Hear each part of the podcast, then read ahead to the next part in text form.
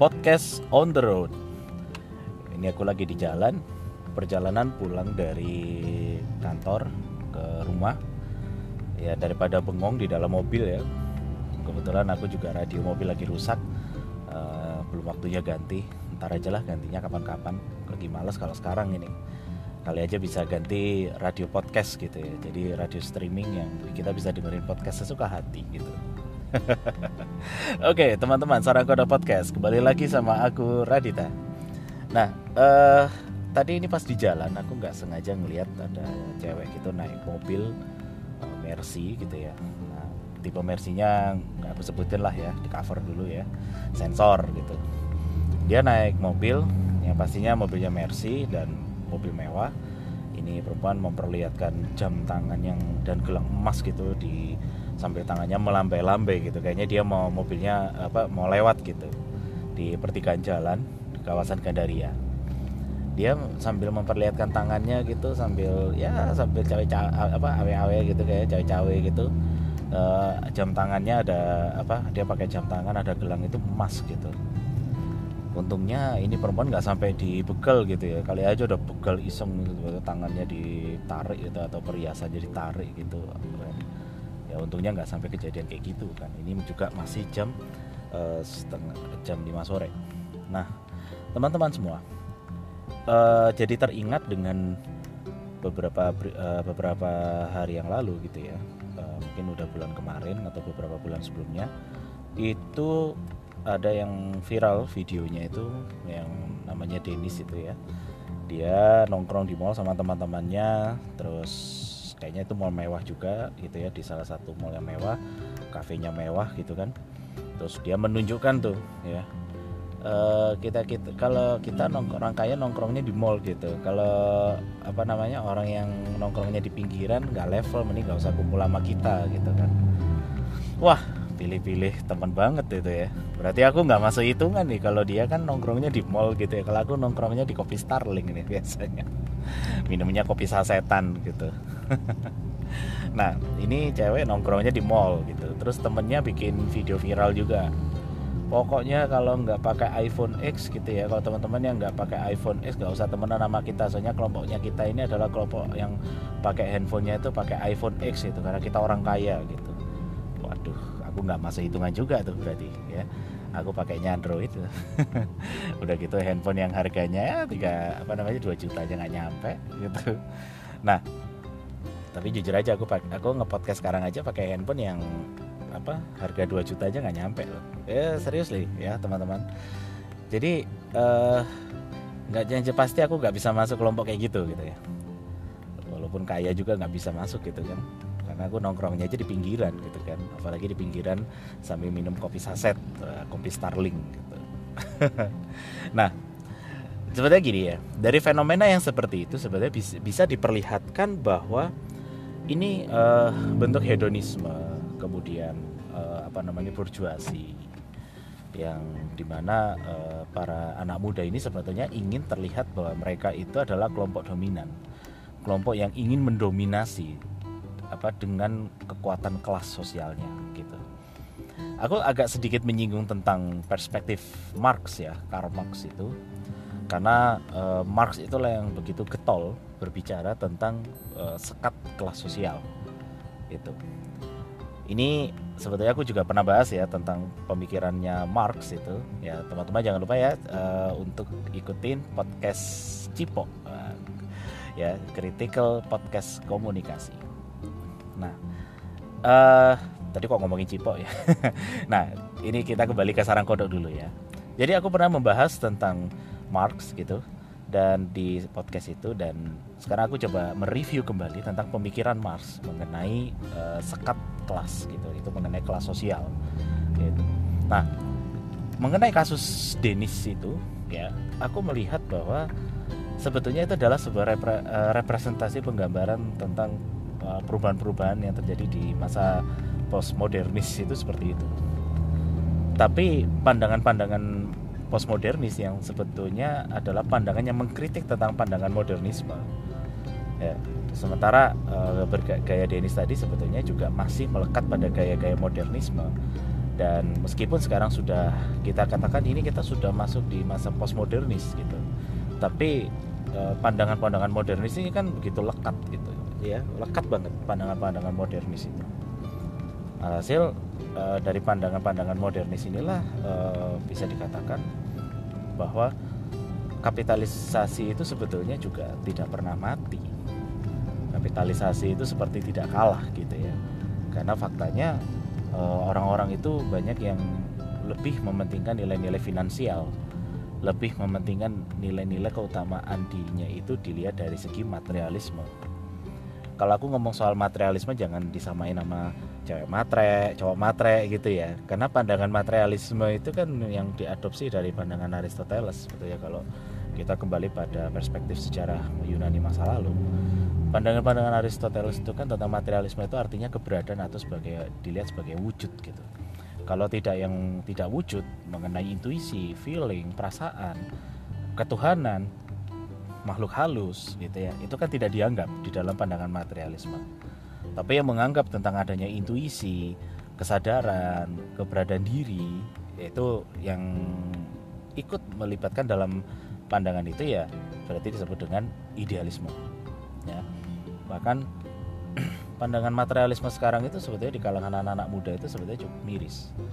Karena anak-anak muda sekarang itu generasi-generasi yang milik apa uh, generasi Z gitu atau bahkan generasi C gitu itu sudah mengenal banget dengan yang namanya finansial bahkan kekuatan idealisme itu sekarang sudah nggak lagi punya arti gitu.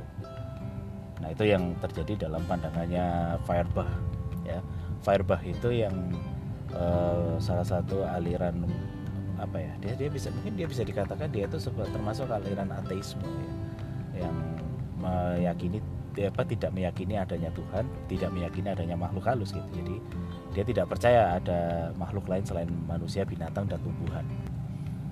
Karena pandangan Feuerbach itu lebih ke materialisme.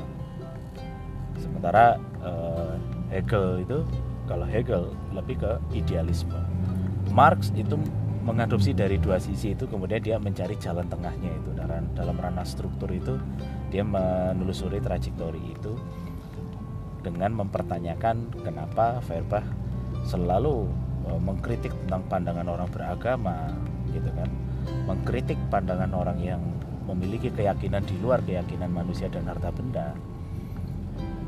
Marx mempertanyakan kenapa Feuerbach tidak pernah mempertanyakan kenapa mereka bisa seperti itu. Ya kan? Nah di situlah eh, Marx mempertegas tentang pandangan alienasi atau keterasingan manusia itu terhadap idealisme itu sebenarnya eh, materialisme itu sebetulnya.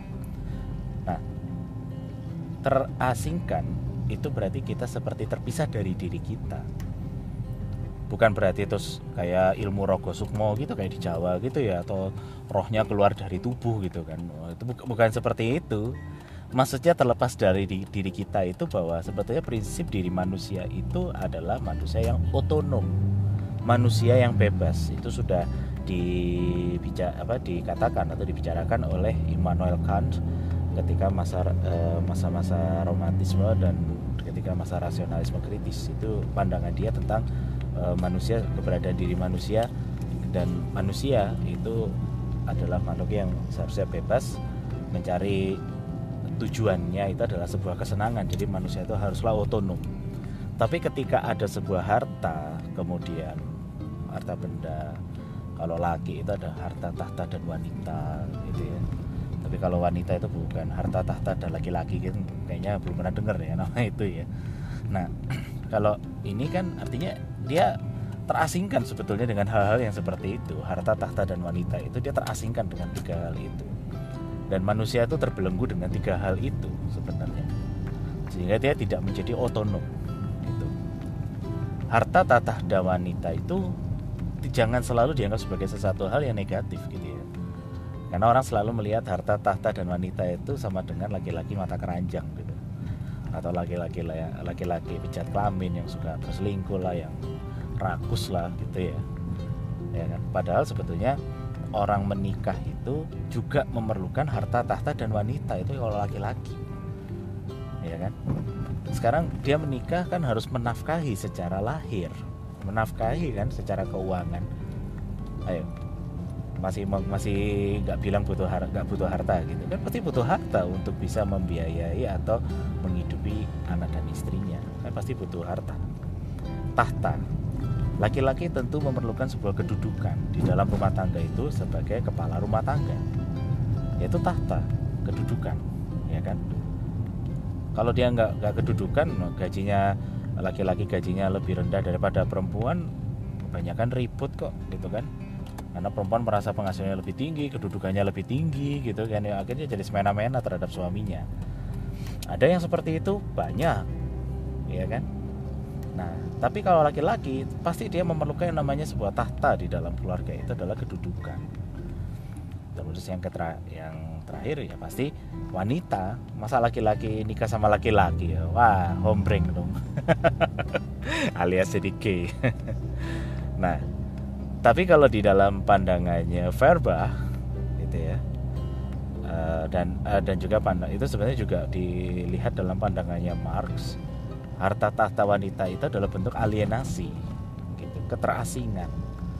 Karena apa? Karena dengan adanya harta tahta dan wanita itu kan manusia tidak otonom ya kan? Ya contohnya kayak laki-laki takut istri gitu kan?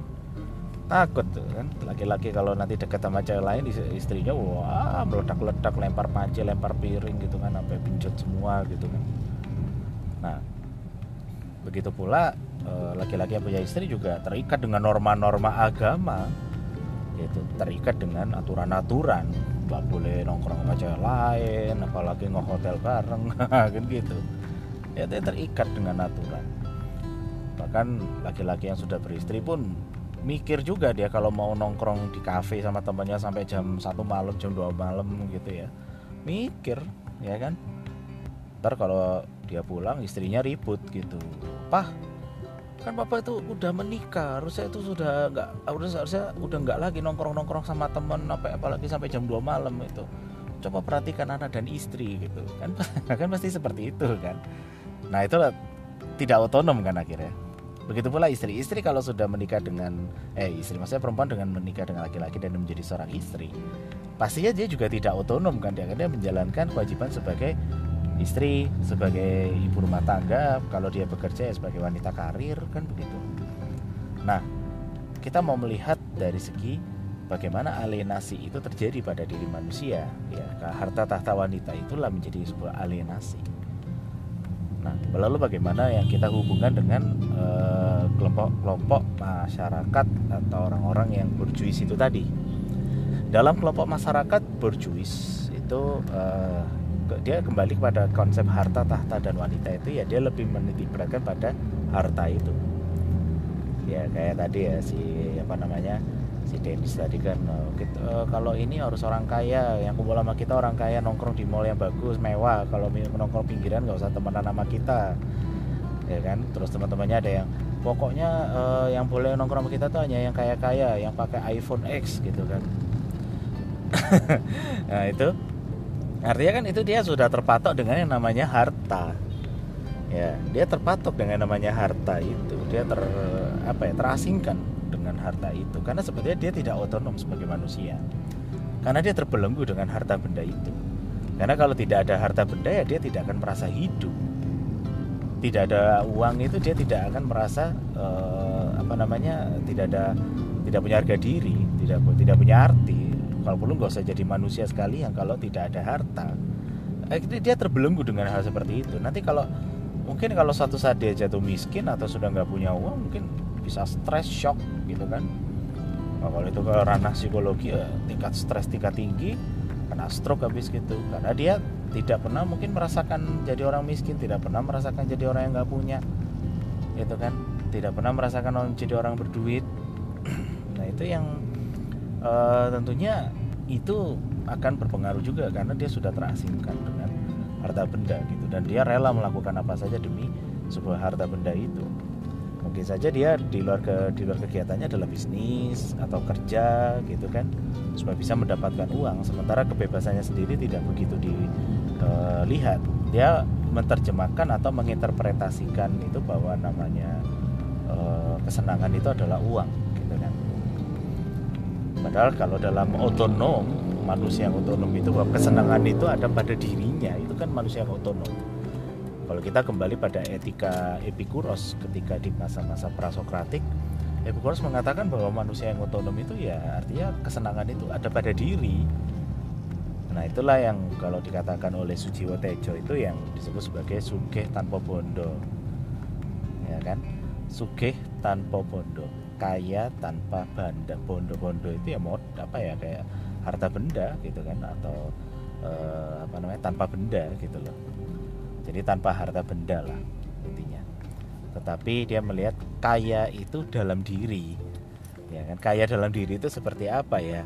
E, sifat watak kebaikan amal. Dan dia merasa bahwa yang namanya e, kebahagiaan itu haruslah yang sederhana dari dirinya. Ya kan kesenangan itu harusnya di, bisa dilihat dari sisi yang sederhana. Itu kembali pada dirinya. Tapi kalau kita kesenangan karena uang berarti itu sebetulnya tidak otonom ya kan? Karena otonom itu ya pada prinsipnya otonom itu adalah kesenangan pada diri diri manusia itu. Jadi bukan karena uang. Kalau karena uang ya berarti uang itulah yang merajai pada diri kita. Uang itulah yang menguasai kita. Dan membuat kita senang itu berarti uang. Berarti seolah-olah uang lah yang bersifat otonom kan begitu? Padahal yang dimaksud di dalam uh, Immanuel Kant dari rasionalisme kritis itu justru dia melihat bahwa uh, otonom itu ya ada diri manusia itu sendiri ya kan? Nah itulah yang kemudian juga berkembang kan filosofis itu dalam filosofi teras itu contohnya mengenai arete karena sebetulnya dari filosofi itulah sebetulnya kita diajarkan untuk apa? Untuk menjadi manusia yang bijaksana ya kan tapi kalau kita udah dikuasai dengan harta benda ya, untuk menjadi orang yang bijaksana ya pasti susah ya kan? Susah menjadi manusia bijaksana karena kita sudah kita sudah terkungkung dengan yang namanya harta benda itu tadi. Nah ini yang bisa kita tangkap ya. Jadi eh, di masyarakat masyarakat modern pas masyarakat postmodern seperti sekarang ini justru kalau kita lihat ya mereka kebanyakan atau mayoritas itu memilih untuk terasingkan dengan harta bendanya terasingkan dengan uh, situasi materialnya gitu bukan yang betul-betul atas kesenangan diri atau kesenangan pribadinya itu. Nah, ini tentunya bisa menjadi sebuah catatan penting ya bagi teman-teman semua ya. nah, kita kembali tentang hedonisme atau berjuasi. Nah, bagaimana kita melihat dalam perspektif Marx? Marx itu melihat bahwa uh, manusia itu ketika dia menggunakan sebuah harta ketika dia memilih untuk terasingkan dengan harta bendanya atau dia terasingkan dengan uh, materialnya sebetulnya uh, nilai yang disebut sebagai nilai surplus atau surplus value itu bukan lagi terletak pada atribut yang dikenakan melainkan dirinya sendirilah ingin bisa mendapatkan surplus value. Jadi bukan bukan bendanya yang mendapatkan surplus value tapi dirinya lah yang menjadi surplus value itu karena dia ingin dipandang. Apalagi kalau perempuan-perempuan yang perawatan kulitnya putih diputihkan cantik gitu kan ya. Itu sebetulnya juga bisa menjadi sebuah surplus value-nya dia. Kalau menjadi sebuah surplus value dia bisa meningkatkan nilai jualnya dia di masyarakat itu tapi jangan selalu diterjemahkan jual diri kayak apa namanya kayak wanita nakal atau laki-laki nakal bukan. Tapi menjual dirinya itu dalam konteks bahwa dia ingin bisa ingin terlihat memiliki harga diri yang tinggi dengan atribut-atribut kekayaannya yang dia kenakan itu tadi ya. Nah itulah dia terasingkan di situ. Karena pada akhirnya uh, surplus value itu bukan hanya harta bendanya saja atau produk benda yang dia gunakan gitu bukan soal iPhone X-nya itu gitu ya. iPhone X itu memang memiliki surplus value tetapi Marx melihat bahwa surplus value itu bukan hanya itu saja ya manusia itulah yang akan dia ingin meningkatkan surplus value bagi dirinya sendiri nilai surplus bagi dirinya sendiri. Karena bisa jadi menggunakan iPhone X itu bukan karena kebutuhan kebutuhan primer bukan karena kebutuhan primer tetapi bisa jadi karena ada kebutuhan yang lain. Kebutuhan apa? Kebutuhan untuk nilai di nilainya dia. Sama aja kalau teman-teman uh, ke kantor gitu atau ke sekolah naik sepeda motor yang butut yang udah lama gitu udah ancur-ancuran kayak super cup gitu misalkan. Terus habis gitu naik ke kampus atau ke kantor naik mobil Mercy dilihat banyak orang. Tentu teman-teman yang akan menjadi sorotannya adalah kalau teman-teman semuanya menggunakan Mercy itu kan pasti. Karena kan dilihat wah kaya mobilnya bagus apalagi mobil dua pintu kayak pickup mobil dua pintu gitu kan. Kan yang dilihat di situ. Pakai iPhone X kan ingin terlihat wah gitu kan. Waduh nilai lebih nih karena menggunakan iPhone X. Padahal belum tentu dia pakai iPhone X itu untuk berkarya gitu ya. Kalau dia pakai iPhone X untuk bikin podcast masih mending gitu. Atau dia punya iPhone X untuk ngedit video untuk apa e, misalkan untuk trading forex gitu ya. Atau pekerjaan-pekerjaan berat yang bisa didukung dengan menggunakan e, handphone selevel iPhone gitu.